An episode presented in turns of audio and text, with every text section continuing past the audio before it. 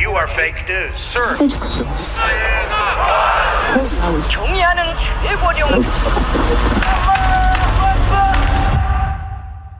on neljapäev ja viies märts, Delfi stuudios on maailma uudistest rääkima tulnud Eesti Päevalehe ajakirjanikud Kadri Veermäe tere! ja Krister Paris. tere! mina olen Kaarel Kressa. elame kahjuks põnevas maailmas, mida ähvardab nii pandeemia kui ka majanduskriis, lisaks Euroopa uksele kogunemas uus rändekriis. aga esmalt võiks rääkida hoopis USA eelvalimistest ja niinimetatud superteisipäevast kus demokraatide kandidaatidele andsid hinnangu neljateistkümne osariigi valijad. Kadri, kas nüüd on juba pilt selgem, et kes läheb kolmandal novembril Donald Trumpi vastu võitlusse? Hetkel veel ei tahaks öelda, et see on äh, Joe Biden, aga praegusel hetkel vähemalt nende neljateistkümne osariigi hääletustulemuste põhjal, kuigi Californiat veel loetakse üle, nii et seda me ei tea, mis seal saab, kuigi tõenäoliselt võidab Bernie Sanders, aga üldiselt vist võib öelda, et eh, kuigi need eh, liidrikoha hoidjad on eh, muutumas pidevalt ja aega on veel ka natukene, kuni demokraadid oma kandidaadi lõplikult välja valivad, siis hetkel paistab, et see vist ikkagi kisub olema Joe Biden, aga mürki ma ei võtaks ka selle peale. Jah, nagu Bidenil on üks eelis, et kõik need, kes on siiamaani loobunud äh, demokraatide kandidaadiks pürgimast, on asunud pigem tema taha, kaasa arvatud äh, Michael Bloomberg, et kui näiteks tema paneb kogu oma rahakoti ja masinavärgi ka Bideni heaks tööle, on see juba väga märkimisväärne eelis järgmiste valimiste eel. jah, et Mike Bloomberg jõudis enda tulemuse, kehva tulemuse saamiseks kujutada pool miljardit dollarit, mis näitab, et päris rahaga valimisi osta ei saa Bideni rahakott on seni olnud ka umbes neli korda väiksem vist kui Sandersi oma. tõsi muidugi on see, et Bloomberg püüdis neid valimisi osta oma rahaga väga väikese aja jooksul, ta sisenes hiljem ja tal noh, tegelikult äh, täpselt nii-öelda vaatas, et ehk õnnestub aga kui teha seda pikema aja jooksul, siis valimisi saab rahaga osta. aga, aga nüüd me ei saagi teada, et kas see hiljem sisenemise strateegia, et kas see oli siis hea või mitte, sellepärast et praegusel hetkel tundub, et polnud kõige parem mõte, aga samas me ei tea, et kui ta oleks kohe algusest peale osa võtnud sellest, et kas siis tulemus oleks kuidagi teistsugune või mitte. eks on ka see, et kas on võimalik reklaamida asja, mida keegi siiski hästi osta ei taha kui on äh, juba populaarsed alternatiivid olemas. no see on ju üldse, mida räägitakse ka Bideni puhul, et tema üks ähm, suurimaid nõrkusi on see, et ta on niivõrd kogenud poliitik, ta on juba aastates seitsekümmend vist kolm niimoodi USA-s, ta on olnud senaator pikalt ja ta tunneb läbi ja lõhki kogu Ameerika poliitikat, mis tähendab ka seda, et ta on suutnud teha väga palju vigu, ehk siis noh, tema puhul pole enam vahet, millal tema näiteks siseneb, ta on juba kolmas kord, püüdleb presidendiks. Ja et noh, igaüks, kes on pikalt kuskil olnud, on paratamatult teinud äh, asju, mida saab talle pärast väga valusalt nina alla hõõruda. Bidenile võib probleemiks kujuneda see, et tema toetus on mitmes grupis väga suur tänu Obamale suuresti ja äh, aga kellest tal on puudu, on eh, nooremapoolsed demokraadid, sellepärast et alla neljakümne aasta, aastaste inimeste seas ei, ei leidu väga neid, kes tahaksid, et nüüd tuleb uus eh, Obama ajastu ja Biden veel üks kord, et eh, ja aga seda gruppi on jällegi vaja, et olla edukas kandideerija. ja Sandersi puhul on ilmselgeks probleemiks see, et ta on väga käre, ta on väga populaarne demokraatide baasvalijate seas, mis omakorda võib tulla miinuseks inimeste silmis, kes ei tahaks noh, ütleme, pärast tööd minna õlut võtma ei Trumpi ega Sandersi väga häälekate valijatega. noh, noh, noh, Bideni puhul just ta ise või tema meeskond loodab seda, et tema on see, kes suudab äh, võib-olla kõikuvaid vabariiklasi sealt ääre pealt tõmmata just nimelt nende leeri, et ta ei ole niivõrd äärmuslik teised ütlevad vastupidi, et Trumpiga tuleb võidelda Trumpi viisil ehk roh-, veelgi rohkem polariseerida Ameerikat ja minnagi nii-öelda siis teise äärmusesse välja. aga lisaks Bloombergi miljonitele, õigemini ta vist on lubanud koguni miljard dollarit äh, panna Trumpi vastaskandidaadi toetuseks või vähemalt Trumpi ründavate reklaamide toetuseks, mida ta on juba väga hästi teinud ka, kasutades Trumpi enda sõnu, aga lisaks sellele on äh, mängus ka selline jokker nimega Covid kaks tuhat üheksateist ja eelkõige see, kuivõrd suudab Trump sellele epideemiale vastates iseennast kahjustada. ja seni paistab, et Trump käitub nagu Trump ikka ja on seda võimalust valmis kasutama, et näiteks eilses teleintervjuus ütles Trump, et äh, koroonagripp, nagu ta seda nimetab, on äärmiselt leebe haigus ja kui te selle saate, siis äh, ja kui soovite, võite tagasi tööle minna, et kui nüüd äh, tõesti demokra-, sügiseks on asjad hästi halvad ja demokraadid hakkavad neid samu heliklippe kasutama valimiseelsetes telereklaamides ja Trump on sunnitud ära jätma ka oma lemmiktegevuse ehk suured rahvakogunemised, siis tundub, et see võib kahjustada isegi Trumpi mainet Fox Newsi vaatajate silmis. ja, jah, et hanerasv ja, ja, ja villased sokid, nagu ka meil kodumaal soovitatakse. ja tavaline külmetushaigus. no ja siin peab ütlema, et ega paremaid meetodeid kui hanerasv ja villased sokid ei olegi välja töötatud, sest et ravimit ju ei ole, et selles mõttes see jutt nüüd nii absurdne ei olnudki. ei no tegelikult see, mida Trump teeb, on ühest küljest eh, nii-öelda täiesti mõistlik eh, lähenemine, ehk siis tema eesmärk koos asepresident Pence'iga, kes küll ajab natukene ehm, ütleme, rohkem maad, maa, jalad maas joont, on ikkagi see, et mitte lasta emotsioonidel liiga palju kahjustada majandust, majandus saab niikuinii kahjustada, see viiruse levik võtab ennekõike ne, kõiki neid, kes muidugi sõltuvad niikuinii Hiinast ja Hiinas toodetud kaupadest, aga ka turismi ja, ja nii edasi. Ehk siis see, see nii-öelda kaaskahju viirusele on palju suurem kui noh, tegelikult ikkagi üsna tühine hulk surnuid äh, võiks, võiks arvata. ehk siis no, olemuslikult jah, Trumpi eesmärk on hoida Ameerika töötamas aga kui veel arvat-, va-, vaadata seda, et näiteks California osariik kuulutas välja hädaolukorra, sellepärast et seal üks ka vanemas eas meesterahvas suri koroonaviiruse tõttu, et ei tea, võib-olla tal olid enne mingid kroonilised haigused ja siis koroonaviirus oli see, millega organism enam hakkama ei saanud, aga et iga selline järgmine surm ükskõik mis riigis te tekitab, ma arvan, paratamatult paanikat ja seda sellise mõistuse häälega alla suruda on sotsiaalmeedia ajastul üsna keeruline. USA-l on muidugi lääneriikide mõttes unikaalne olukord, kus neil on suur osa elanikest tervisekindlustuseta ja nagu kuulda olnud, näiteks Floridas tervisekindlustuseta inimesele koroonaviiruse test maksab vist oli kaks või kolm tuhat dollarit mis noh, ei motiveeri kedagi testi tegema.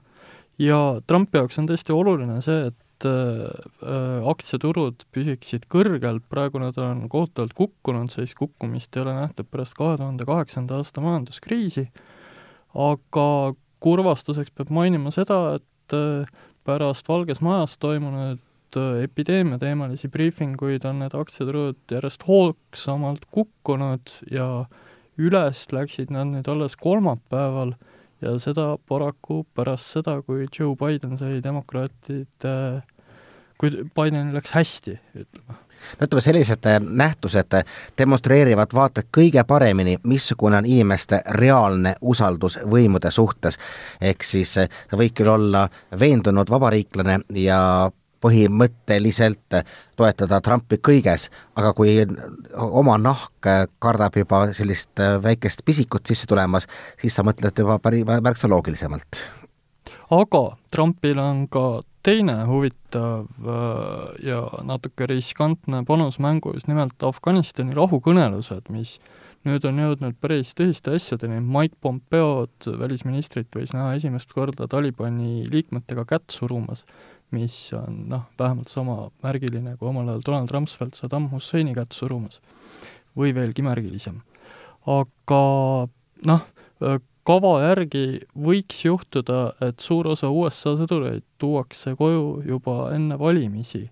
aga julgete te prognoosida, kas USA Talibani kõnelused edenevad? see on väga keeruline küsimus, et noh, et kui me vaatame fakte, siis see nii-öelda ajalooline rahulepe, et see allkirjastati eelmisel laupäeval Dohas ja mi-, see justkui viitaks sellele, et mingisugune progress toimub, aga et mis, mis sellest edasi saab ja kas pooled kinni peavad, et see on väga kahtlane, sellepärast et kohe pärast seda rahulepingu allkirjastamist teatasid ju Afganistani võimud, kes oma allkirja ei saanud mitte kuskile panna, et mingit Talibani vangide vabastamist, keda peaks siis viis tuhat inimest vabastatama, et nemad ei ole sellises asjas kokku leppinud ja nemad ei kavatsegi seda teha. ja lisaks on Taliban ise jätkanud ka rünnakuid, mis ei to-, ei tundu ka selle rahuleppe mõttega väga kooskõlas olevat ja ka USA tegi õhulöögi, oli sunnitud tegema õhulöögi, nii et me, et et faktiliselt on see lepe sõlmitud, aga et mis, mis, mis kasu sellest siis praegu on, et seda on raske öelda, pigem tundub, et võib-olla mitte kõige suurem kasu. vaata noh, niisugustes kohtades on alati hästi kerge olla pessimistlik, et, et on väga suur tõenäosus, et sellest midagi asja ei saa aga tegemist on ikkagi, ütleme, ühe parima võimalusega Afganistanis rahu saavutada, no ilmselt äh, pärast seda, kui võis tunduda mm, pärast nine elevenit ja, ja Ameerika esimesi äh, võite, et, et, et, et Afganistanis siiski äh, mingil määral rahu saabub, no esiteks juba see, et noh, Talibani üksused, kes ei ole selline ühtse komandol olevad äh, väed ikkagi suutsid enam-vähem hoiduda märkimisväärsest äh, vaenutegevusest sel perioodil, mis oli enne seda lepingu allakirjutamist, ehk siis mingisugune kontroll seal ikkagi nende üle on. Äh, teine asi on täpselt see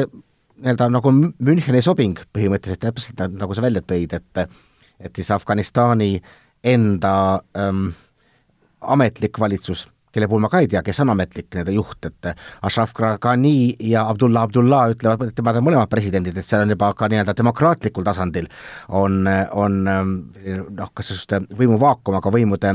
omavaheline hõõrumine. et see ju jäeti tegelikult kõrvale, põhimõtteliselt USA, kes kunagi ütles, et noh, loomulikult me terroristidega kunagi läbi ei räägi, on seda ometi teinud ja on valmis andma de facto ikkagi Afganistani Talibani kätte ja ükskõik, mis kinnitused nad Talibani käest saavad, ja ei tea, mida nad täpselt saavad, sellepärast et ka Talibani puhul on need jõud, kes ütlevad, et hea küll, et noh, nõustume siis ameeriklaste tingimustega, anname neile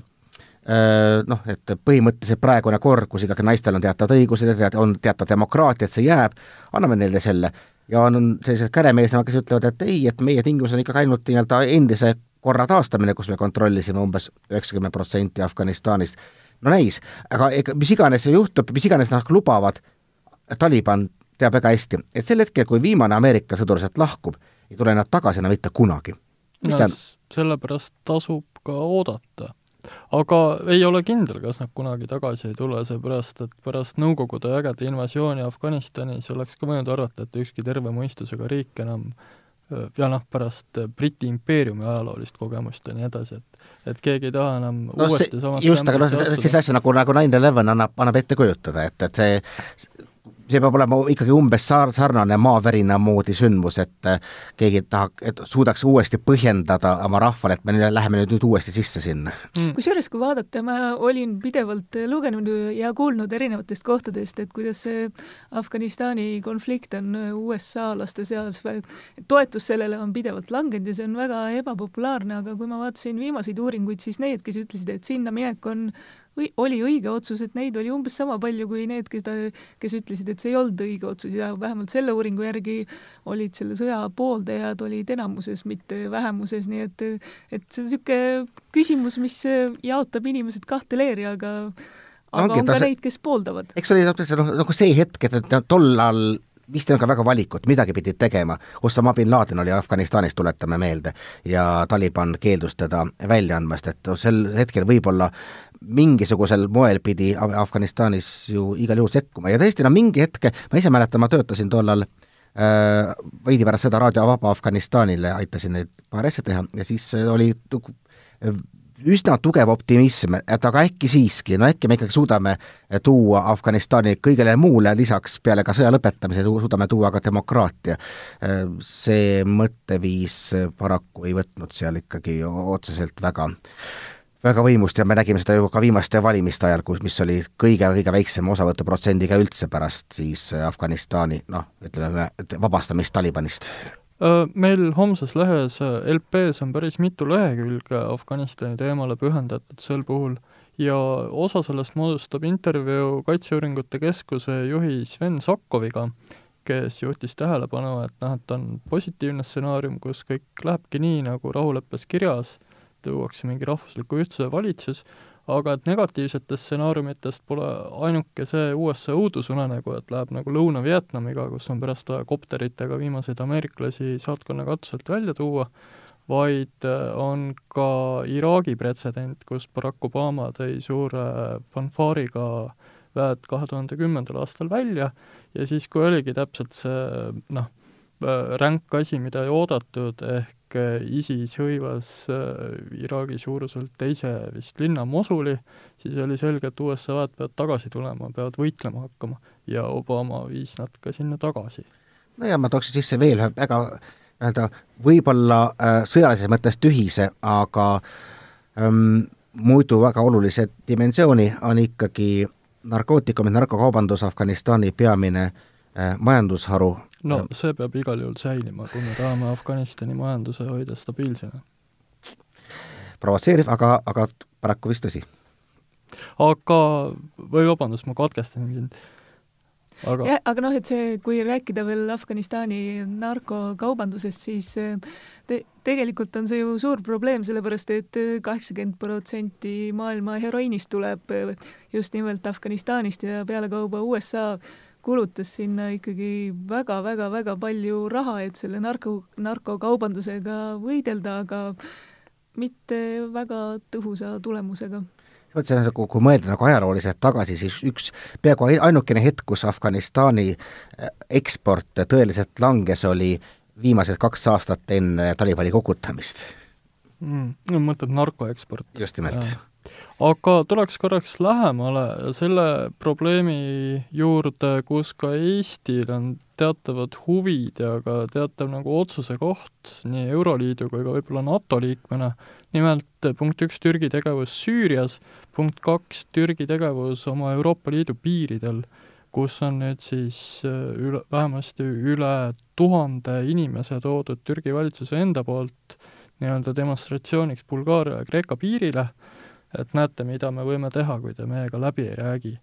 ja siin nüüd ongi küsimus, et punkt üks, et mida peaks Euroopa Liit tegema, kui Türgi niimoodi käitub, kui, kuidas me lahendame selle olukorra? kui mina arvan, et lahenduseks võiks olla see, millel jäädi pooleli tol hetkel, kui seda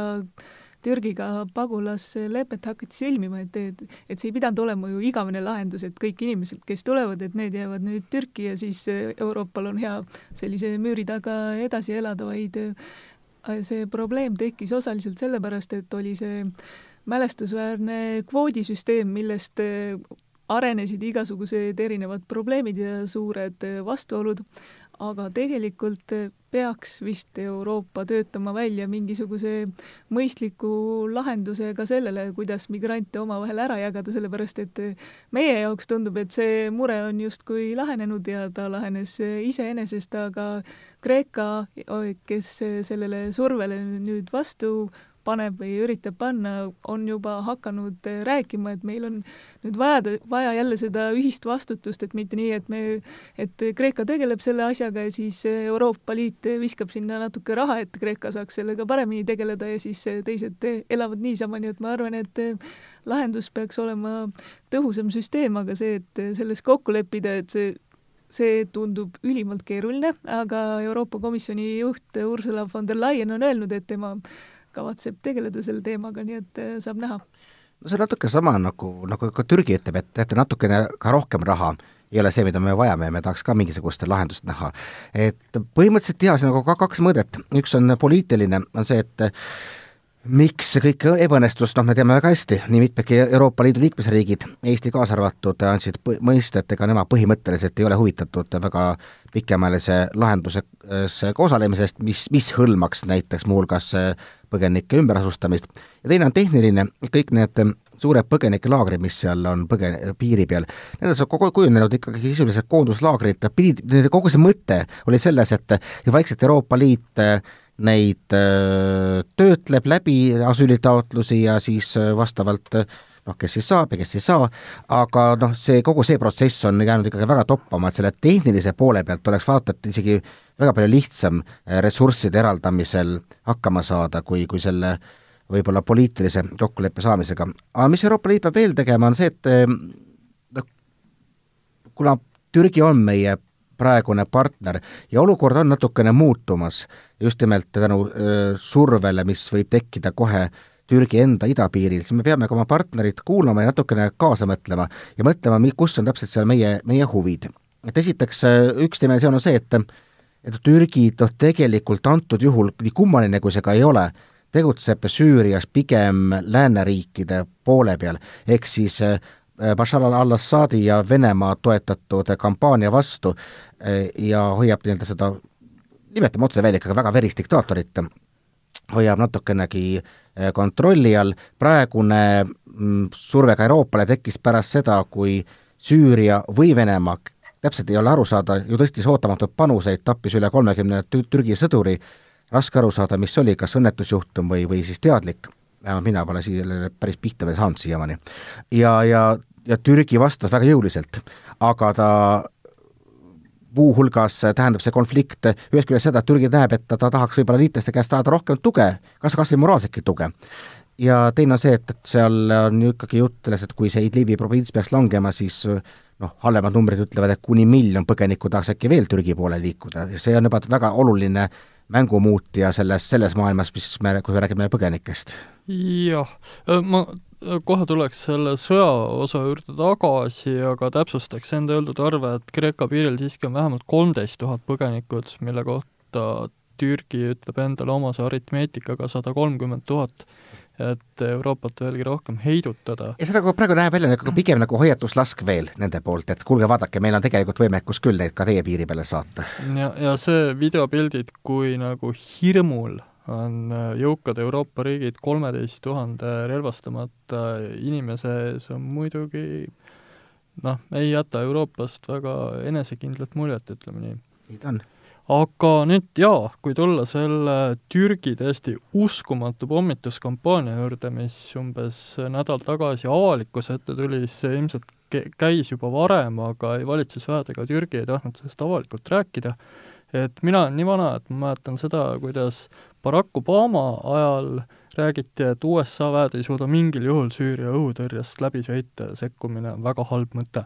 ja siis öeldi, et nüüd, kui Venemaa on kohal, siis karjati, et Donald Trumpi väikesed raketirünnakud ka-, karistuseks keemiarelva kasutamise eest, et nüüd tuleb kolmas maailmasõda, et noh, kuidas inimesed ette kujutasid, et see välja nägema hakkab, et kas Venemaa annab tuumalöögi kohe Washingtonile selle raketirünnaku eest või mismoodi, noh, seda me ei tea, aga nüüd juhtus nii, et Türgi sisuliselt pühkis väga suure osa Assaadi soomustehnikat mõne päevaga maapinnalt. Ja mis juhtus, Erdogan on praegu Moskvas, Putin, noh, mõlemad on pahura näoga, aga Putin ei räägi mingist karistusest, Putin avaldab kaastunnet, et Türgi sõdurid niimoodi hukka said Putin tõmbas jälle oma väed tagasi sealt Sarakevi rindelinnast, et nad ei jääks Türgi ja Süüria omavahelise sõjategevuse jalgu, ühesõnaga kolmandast maailmasõjast on asi väga kaugel. See oli päris huvitav jah, kusjuures see, mille, mida Türgi kasutas Assaadi vägede vastu, olid droonid ja mitte nii-öelda nagu noh, ma ei tea, Ameerika Reaperid või, nad olid suhteliselt aeglased, suhteliselt madalalt lendavad, iga vähegi nii-öelda tõhus õhutõrje oleks pidanud suurem osa nendest maha võtma. aga Assad oli kaunikesti võimetusele vastu ja siis veel tegid jõu, Türgi jõudemonstratsiooni, kus nii palju, kui ma aru saan, üks nende F kuusteist laskis alla kaks Türgi hävitajat, ühesõnaga, et see okei okay,, jah, muidugi, Türgi on NATO võimsuselt teine armee aga sellele vaatamata see jõud oli tõepoolest vägagi muljetavaldav. tõsi jah, nagu sa ütlesid, väga paljuski tänu sellele, et äh, venelased hoidsid ennast tagasi, venelased ei lastud oma lennukid õhku, nad ei kasutanud oma õhutõrjet, ehk siis äh, lasti just nimelt ka Türgil, kes noh, mõnes mõttes võime ikkagi öelda, on ka Putini liitlane Erdogani näol, lasti nii-öelda nägu päästa ja see kättemaksurünnak ära teha, et see ei pruugi nii jääda, et noh, see on nüüd üks koht, mida kindlasti Moskva kõnelustel puudutatakse, et kuidas siis just nimelt Türgi ja Venemaa Süürias oma positsioonid ära jagavad. et Venemaa ilmselgelt on ikkagi huvitatud Assaadi režiimi püsimisest, Assaadi režiim, me mäletame, oli ju hiljuti täiesti tundus, et peatamatul marsil, et see Idlibi provints pidi kohe langema, Türgi paari päevaga on muutnud niivõrd palju mängu et see pole enam üldse mitte kindel. Ja me taas võime rääkida teemal, et Assad ja tema püsimine. Ja, ja kui vaadata, et mida Türgi tahaks, siis Erdogan on välja öelnud ju seda, et Venemaa võiks Süüriast minema minna ja siis nemad ajavad asja seal korda, nii et selles suhtes on Türgi positsioon täiesti selge. aga et Türgi üsna niimoodi iseseisvalt eh, tegutseb Süürias, et eh, seda on eh, näha küll, sellepärast et Erdogani see üks pahameele alus, mille, millega kaasnes see migrandivool, nüüd see niisugune nire, oli ka seetõttu, et et Erdogan tahtis, et tema Süüria tegevust toetaks Euroopa partnerid ja NATO, kes selle peale ei öelnud eriti mitte midagi, kuigi ma ei kujuta ette, et NATO seal väga mingisugust abi saaks äh, pakkuda mi-, mingil normaalsel kujul. no kui tahaks. no kui, kui, ta, ta, ta ei taha juba puht sellepärast, et, et Türgi on osta, on ostnud endale Vene õhutõrjesüsteeme, ameeriklased ütlevad, et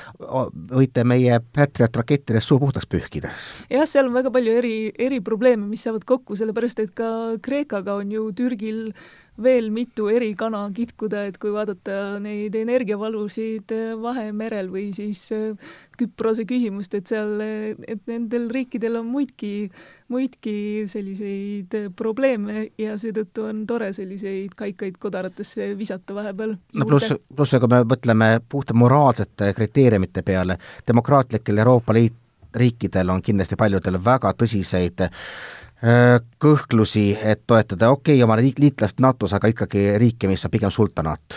No see on üldse huvitav, kuidas Türgil õnnestub praegusel hetkel nagu kõigi oma naabritega kana kitkuda ja seda olukorras, kus Türgi majandus on tõsises languses ja ilmselt läheb asi veel hullemaks. see on autokraatlike riikide üks eripärasid, et kui autokraat tunneb endas, endale teatavat ohtu ja Erdogan praegu tunneb seda sellepärast, et on näiteks kas või viimased kohalikud valimised Türgis ja, ja majandusolukord ja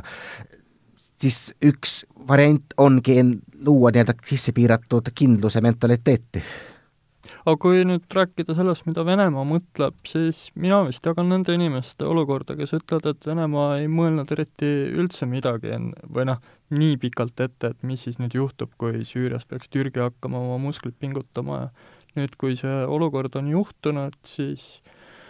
tegelikult ei tahetagi midagi teha, sel lihtsal põhjusel, et Venemaa on kaugel ja Türgi on lähedal, Türgi ei saa ennast ära viia Süüria piiri äärest, aga Venemaa tegelikult, kui ta otsustab, et Assadi võimulolek ei ole nüüd nii hädavajalik asi, siis ükski Vene kodanik ei hakka selle pärast küünalt süütama no noh, noh, Venemaa on saanud niigi väga tühisete ressurssidega tugeva nii-öelda kannakinnituse Lähis-Idas tänu Süüria sõjale. ma usun, et nad äh, sellest ikkagi hoiavad kinni, jah, mitte, mitte iga hinna eest, aga, aga, aga siiski. nii et, äh, aga no Venemaa välispoliitika ongi olnud ju viimasel ajal pigem oportunistlik, mitte nii-öelda maailma kujundav, vaid reageeritakse, kasutatakse ära maksimaalselt vastaste nõrkusi, või ka mittevastaste. Ja, ja et lihtsalt selleks, et enda positsioone kinnitada, et jah, võib-olla Venemaa ei mõelnudki, aga nüüd siis reageeritakse ja ma ei usu, et äh, tingimata väga halvasti, võib-olla märksa targemalt, kui me ette kujutame. Mm, jah, tundub küll, et siin, kui küsimus on Idlibi provintsi tsiviilelanike ellujäämises, tuleb Erdoganile toetust avaldada kui jutt käib nüüd Euroopa piiridele inimeste koondamisest, siis niimoodi need asjad ei peaks käima. aga võib-olla tõmbame siin tänaseks joone alla, mina olin Kaarel Kressa, olid ka Kadri Veermäe ja Krister Paris stuudios, nägemist, aitäh! You are fake news, sir. 종이하는 최고령